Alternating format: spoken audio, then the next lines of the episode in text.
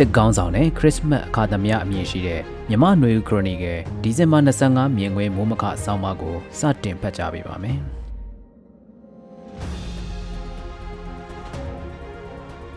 ရန်ကုန်မြို့ကိုရောက်နေတဲ့စစ်ကောင်စီခေါင်းဆောင်ဖြစ်သူမင်းအောင်လှိုင်ကယမနေ့ညကခရစ်စမတ်အကြိုညမှာရန်ကုန်မြို့ရှိရွှေတကုံဖျားလန်း Holy Cathedral မှာ Christian Methodist အသင်းတော် ကက်သလစ်ခရစ်ယာန်ဘာသာကကာဒီနယ်ချာဘိုနဲ့အင်္ဂလိကန်ဂိုင်းကဆရာတော်ကြီးများစုပေါင်းဝတ်ပြုကြတဲ့နေရာကိုတွားရောက်ခဲ့ပါတယ်။ပြည်내နဲ့တိုင်းဒေသတွေကကျေးရွာတွေမြို့ငယ်တွေမှာခရစ်ယာန်ဘာသာဝင်တွေအများအပြားစစ်ဘေးတိမ်းရှောင်နေကြရခြင်းမိသားစုဝင်တချို့အသက်ဆုံးရှုံးနေကြရခြင်းသူတို့ရဲ့ခရစ်စမတ်အခါသမယကိုတောထဲတောင်ထဲဘုံခိုခြင်းနဲ့အကျဉ်းထောင်ထဲမှာဖြတ်တန်းနေကြရချိန်မှာဒီဖြစ်ရက်တွေမှာတာဝန်ရှိဆုံးလို့ဆိုရမယ် စစ်ကောင်စီကောင်းဆောင်ကခရစ်ယာန်ဘာသာရေးကောင်းဆောင်တွေကိုလက်ဆွဲနှုတ်ဆက်နေတဲ့မြင်ကွင်းကခရစ်ယာန်ဘာသာဝင်တွေအတွက်ပင်လျင်စိတ်ဝမ်းကွဲပြားစရာကောင်းတဲ့ဖြစ်ရပ်တစ်ပွဲရှုမြင်ကြတာဖြစ်ပါတယ်။ဘာသာရေးကိုခုလုံးလုပ်ပြီးနိုင်ငံရေးစီယုံနေကြတယ်လို့စစ်ကောင်စီကောင်းဆောင်ကအခုရက်ပိုင်းမိကွန်းတရက်မှာထည့်ပြောခဲ့တာဟာသူ့ရဲ့လုံရက်ကိုပဲစွလို့သလားလို့တောင်ဆိုရမလို့ဖြစ်နေပါတယ်။ကက်သလစ်ဘာသာဝင်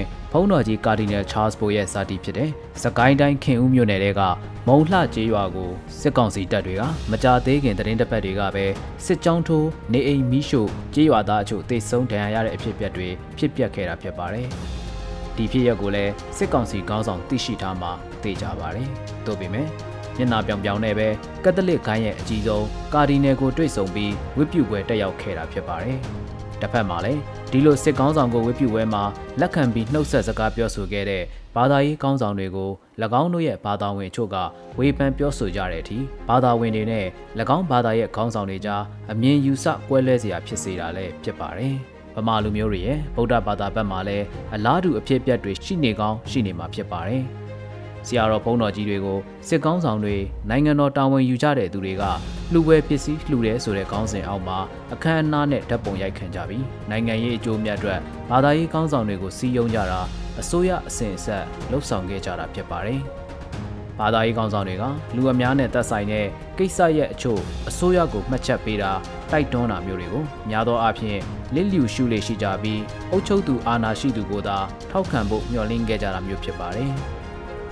နိုင်ငံရဲ့ခေါင်းဆောင်ဆိုသူတွေဟာနိုင်ငံရဲ့တာဝန်ယူထားချိန်မှာဘာသာရေးခေါင်းဆောင်တွေကိုလှူဒန်းတာကိုယ်ွယ်စည်းကပ်တဲ့သဘောမျိုးမြင်ရပေမဲ့တွားရောက်လှူဒန်းခြင်းရဲ့ရည်ရွယ်ချက်ကနိုင်ငံရေးအရာစီယုံခြင်းသာဖြစ်တယ်ဆိုတာသေချာတွေးကြည့်ရင်ပေါ်လည်နေပါတယ်။နိုင်ငံရဲ့တာဝန်ကိုယူထားစဉ်တဦးချင်းပုဂ္ဂလဘာသာရေးကိုယ်ွယ်စည်းကပ်မှုနဲ့အစိုးရအဖွဲ့ခေါင်းဆောင်တွေနဲ့ကိုယ်ွယ်စည်းကပ်မှုဆိုတာမျိုးရောထွေးအောင်လုပ်ကြတာလည်းဖြစ်ပါတယ်။